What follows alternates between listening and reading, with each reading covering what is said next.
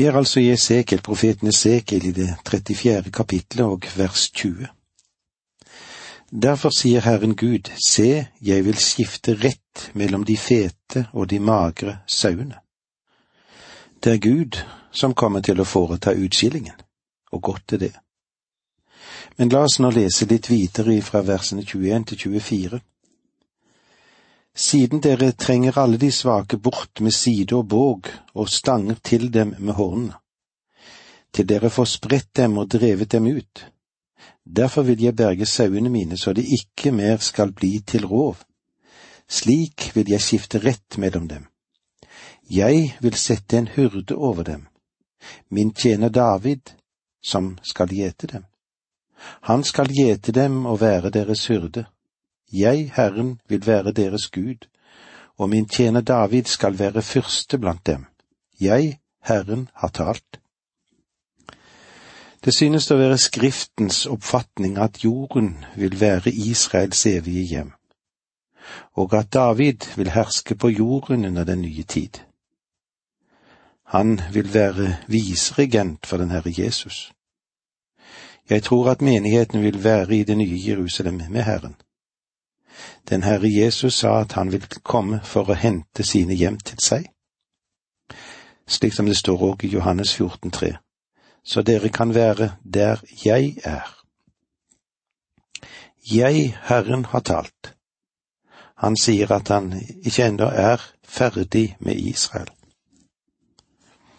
Vers 25 Så slutter jeg en fredspakt med dem. Jeg rydder ut villdyrene i landet så folk kan bo trygt i ødemarken og sove i skogene. Det er eh, ganske interessant at land og folk i Israel løper sammen i Skriften. Når de er i landet og blir velsignet, så betyr det at folket står i et rett fellesskap med Gud. Vers 28 De skal ikke lenger bli et bytte for folkene, og villdyrene skal ikke ete dem, Trygt skal de bo, og ingen skal skremme dem. Dagen kommer da Israel ikke lenger skal være et bytte for folkene. De er det fremdeles i dag, men Gud sier jeg vil, og når Han sier det, så er han i stand til å gjennomføre det, og det er godt å vite for oss alle sammen. Vi går nå videre til kapitlene 35 og 36 det har å gjøre mer med Israels gjenopprettelse i fremtiden. Det er to ting som må hende før folket kan føres tilbake til land i fred. Edom må dømmes, og Israels synd må dømmes og tilgis. Den dom som ble forutsagt her, ble fullbyrdet på Edom. Men den er også profetisk for dommen som ventes for Israels fiender i fremtiden. Edom blir dømt. Kapittel 35 tar for seg dommen og fjerningen av Seirfjellet, eller Edom, som må finne sted før Israel kan føres tilbake til landet. La oss nå lese sammen de første fire versene i kapittel 35. Herrens ord kom til meg, og det lød så. Menneske, vend deg mot Seirfjellet og tal profetord mot det. Du skal si til det, så sier Herren Gud, se, jeg kommer imot deg, Seirfjellet. Jeg rekker hånden ut mot deg og gjør deg til en redselsfull ørken. Dine byer legger jeg i ruiner, og selv skal du bli til en ørken. Da skal du sanne at jeg er Herren. Disse versene som vi nå har lest, henviser til Edom, og i Edom fantes den gamle klippebyen Petra. Byen er det fremdeles, men den er øde og ligger i et øde område. Vers fem Fordi du bar på et eldgammelt fiendskap, overga du Israels sønner til sverdet den tid ulykken rammet dem, og de fikk sin endelige straff. Gud gir oss årsaken til dommen over Edom. Edom er det folket som stammer fra Esau, Jakobs bror. Esau var Jakobs bitreste fiende, og Edom har antagelig såret, skadet israelsfolket mer enn noe annen fiende de har hatt. Edom representerer Guds fiende i denne verden og i dag. Den fiende som skal reise seg mot Gud i de siste tider under Antikrist. Vers 9 Jeg gjør deg til en evig ørken, dine byer skal ligge folketomme. Da skal dere sanne at jeg er Herren. Esekiel har tidligere nevnt Edoms dom i Esekiel 25, 12-14. Og hvorfor nevner han det igjen her? Jeg tror at det er for å vise at Gud har et program for Israel. De skal føres tilbake til landet, til et velsignelsens sted. De skal vende tilbake til landet i fred. Fiendene finnes fremdeles rundt dem, og derfor vil Gud dømme disse fiender. Folket skal vende tilbake til landet for å tilbe Gud, og leve i fred og velsignelse. Hvilken herlig fremtid som venter på dem. Når vi går inn i kapittel 36, ser vi at Israels synd må dømmes og bli tilgitt før folket kan vende tilbake til landet.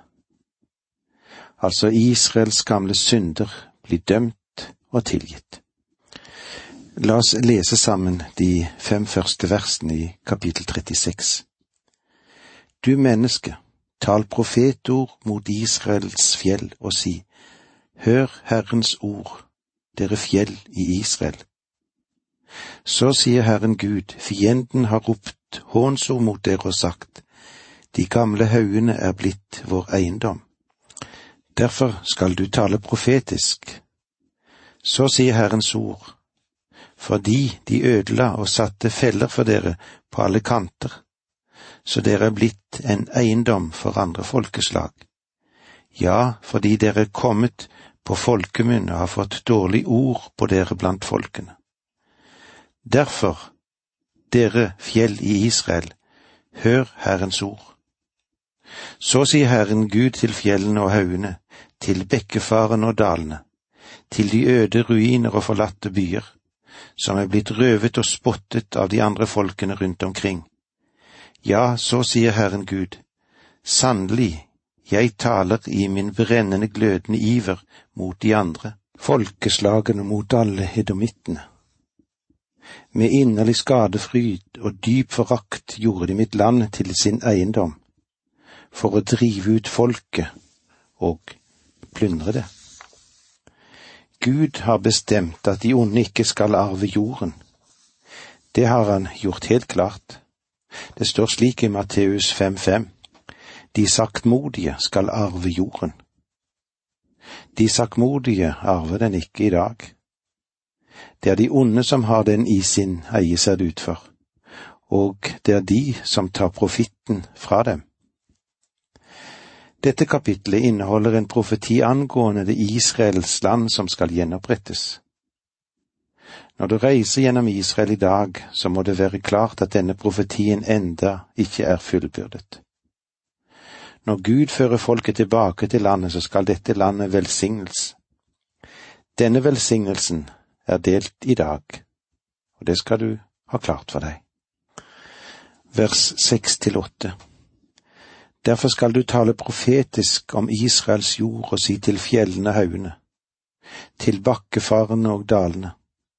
Så sier Herren Gud, se, jeg taler i min brennende iver og harme, fordi dere må tåle andre folks spott.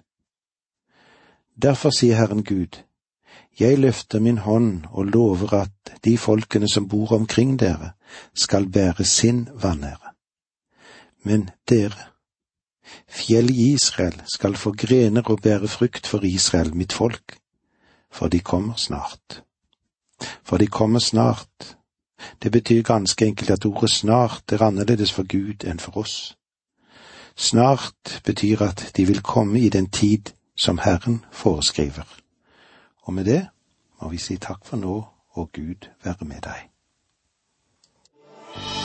Dette undervisningsprogrammet består av to deler. Åge Nevland fortsetter nå med andre del av dagens undervisning.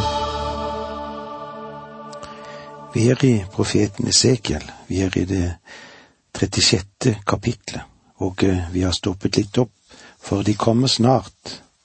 Snart er jo annerledes for Gud enn for deg og meg, og for oss mennesker. La oss lese versene 16 til 18 i kapittel 36. Herrens ord kom til meg, og det lød så. Menneske, da israelittene bodde i, i sitt land, gjorde de det urent med sitt liv og sine gjerninger.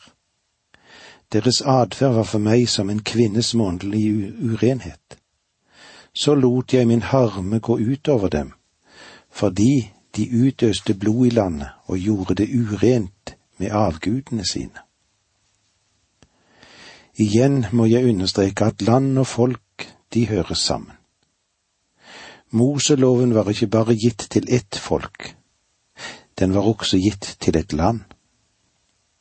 Vers 19 Jeg spredte dem blant folkeslagene, det blir strødd ut i landet. Jeg dømte dem etter deres liv og gjerninger. Gud sier, det var meg som spredte dem blant hedningene. Men hør på ham videre når han sier dette fra versene 21 til 23. Det gjorde meg vondt for mitt hellige navns skyld. Israelittene hadde vanæret det blant folkeslagene de kom til. Derfor skal du si til israelittene, så sier Herren Gud, når jeg griper inn, israelitter, gjør jeg det ikke for deres skyld, men av hensyn til mitt hellige navn som dere har vanæret blant de folkene dere kom til. Hellig vil jeg gjøre mitt store navn som er vanæret blant folkene, ja, som dere vanæret blant dem. Folkeslagene skal sanne at jeg er Herren, sier Herren Gud, når de blir vitner til at jeg åpenbarer min hellighet blant dere. Her møter du en tanke som ikke bør være fremmed for noen av oss, nemlig at Gud fremdeles vil forsvare sitt navn på denne jord. Det er en del mennesker i dag som latterliggjør menigheten, og eh, det folk som utgjør den, er i en farlig posisjon. De spotter Gud på grunn av dette. Gud skal rettferdiggjøre seg selv på jorden, og han skal helliggjøre sitt navn her nede. Mange tar hans navn forfengelig dag, men Gud sier, Dette skal en gang stoppes, og dere skal ære meg. Dette er Guds ord, og det bør du merke deg. Vers 26 Jeg vil gi dere et nytt hjerte og la dere få en ny ånd inne i dere. Jeg vil ta stenhjertet ut av kroppen deres og gi dere et kjøtthjerte i stedet. Her sier Gud hva han vil gjøre. Det kommer til å bli en dramatisk og dyptgripende forandring. Jeg vil gi dere et nytt hjerte. Det betyr at de skal bli født på ny. Vers 27 Jeg lar dere få min ånd innen i dere og gjør det slik at dere følger mine forskrifter og tar vare på mine lover, så dere lever etter dem. Det er dette Joel mener i sin profeti. Dagen kommer når Gud vil utøse sin ånd over alt kjød, ikke bare over noen. Ånden ble utøst over meget få på pinsedag. Alt Peter sa den dagen var, le ikke av oss og si at vi er drukne. Dette ligner det Joel har sagt skal hende i de siste tider. Ånden er kommet på noen få, og i dag kaller Gud ut et folk for sitt navn. For sitt navn. Det øyeblikk du venner deg til Kristus, blir du gjenfødt ved Den hellige ånd. Han bor i deg og døper deg med sin hellige ånd. Du føyes inn i legemet som utgjøres av de troende. På den dag, sier Gud, vil jeg legge min ånd i dere. Vi leser videre i versene 28 og 29 i kapittel 36. Da skal dere få bo i det landet jeg ga deres fedre. Dere skal være mitt folk, og jeg vil være deres Gud. Jeg frir dere fra all, all, all deres urenheter. Så kaller jeg kornet fram og gjør grøden stor. Jeg lar ikke hungersnød ramme dere. De skal bo i landet, og det skal være overflod i landet. Gud har lovet dem fysiske velsignelser, på samme måte som han har lovet oss åndelige velsignelser. Dette kapitlet som vi nå er innom, avsluttes med en mektig profeti. Vi leser fra vers 35 til og med 38. Da skal de si, den jorden der som lå øde er blitt som Edens hage, og byene som er herjet, ødelagt og revet ned, ligger der nå som faste borger. De folkene som ennå er igjen omkring dere, skal sanne at jeg, Herren, har bygd opp igjen det som var revet ned, og plantet der jorden lå brakk. Jeg, Herren, har talt og vil gjøre det. Så sier Herren Gud, ennå en bønn vil jeg høre og oppfylle for Israels ett. Jeg gjør folket tallrikt som en saueflokk, som flokken av offerdyr, som sauene i Jerusalem på høytidsdagene. Slik skal en mengde mennesker fylle de byene som lå i ruiner, og de skal sanne at jeg er Herren. Da skal de si, denne jorden der som lå øde er blitt som Edens hage.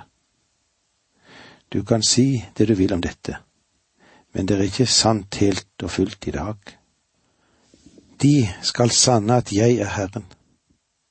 Det vet de ikke i Israel i dag, og det vet de ikke i Norge, eller hvor det måtte være i dag. Verden vet det ikke.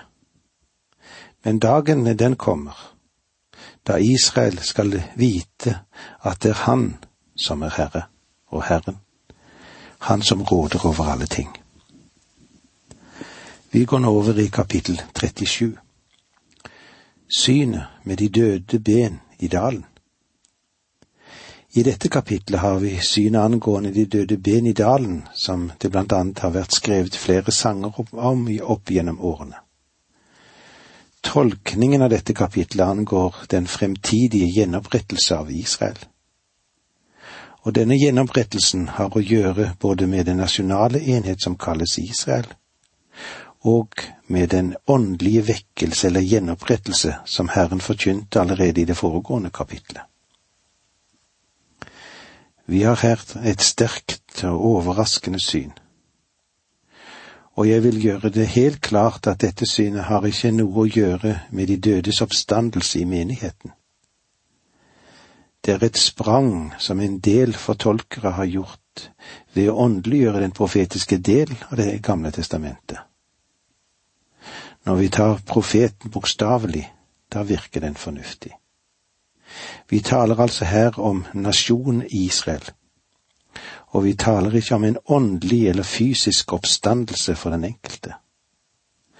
Man kan gjerne kalle dette kapitlet for Israels oppstandelse, hvis det da ikke blir misforstått. Her dreier det seg ikke om de dødes oppstandelse fra Abraham og videre fremover. Dette kapitlet henviser ikke til det, men avgjort henvises det til nasjonen Israel. Gud gir Esekiel en virkelig levende lignelse. For å illustrere dette, så tar han med en dal full av dødningeben. Vers 1, kapittel 37. Herrens hånd kom over meg, og i ånden førte han meg ut og satte meg ned i en dal som var full av ben. Før Jerusalem ble ødelagt av Nebukaneser, ble Esekiel ført til Jerusalem, det kan du se om i kapittel åtte. og jeg tror ikke at Gud hadde noen vanskeligheter med den transportoppgaven. Når et menneske i dag kan skape eller lage et jetfly som tar det rundt halve jordkloden på en halv dag, så ser jeg ingen grunner til hvorfor Gud ikke kan gjøre noe som sammenfaller med hans makt og hans person. Så jeg tror ikke at Gud hadde noen vanskeligheter med å frakte Sekel opp til Jerusalem. Og her tror jeg ennå en gang at Gud bokstavelig talt flytter Esekiel. Når Esekel sier at han i ånden ble ført ut og satt ned, så sier han at Herrens ånd bar ham til den dalen som var full av ben. Vi tar med vers to til slutt i dag, i kapittel 37. Han førte meg rundt omkring dem og se, det lå en stor mengde ben utover dalen, og de var helt tørre. Og det vil vi komme inn på når vi møtes igjen neste gang. Takk for nå, må Gud være med deg.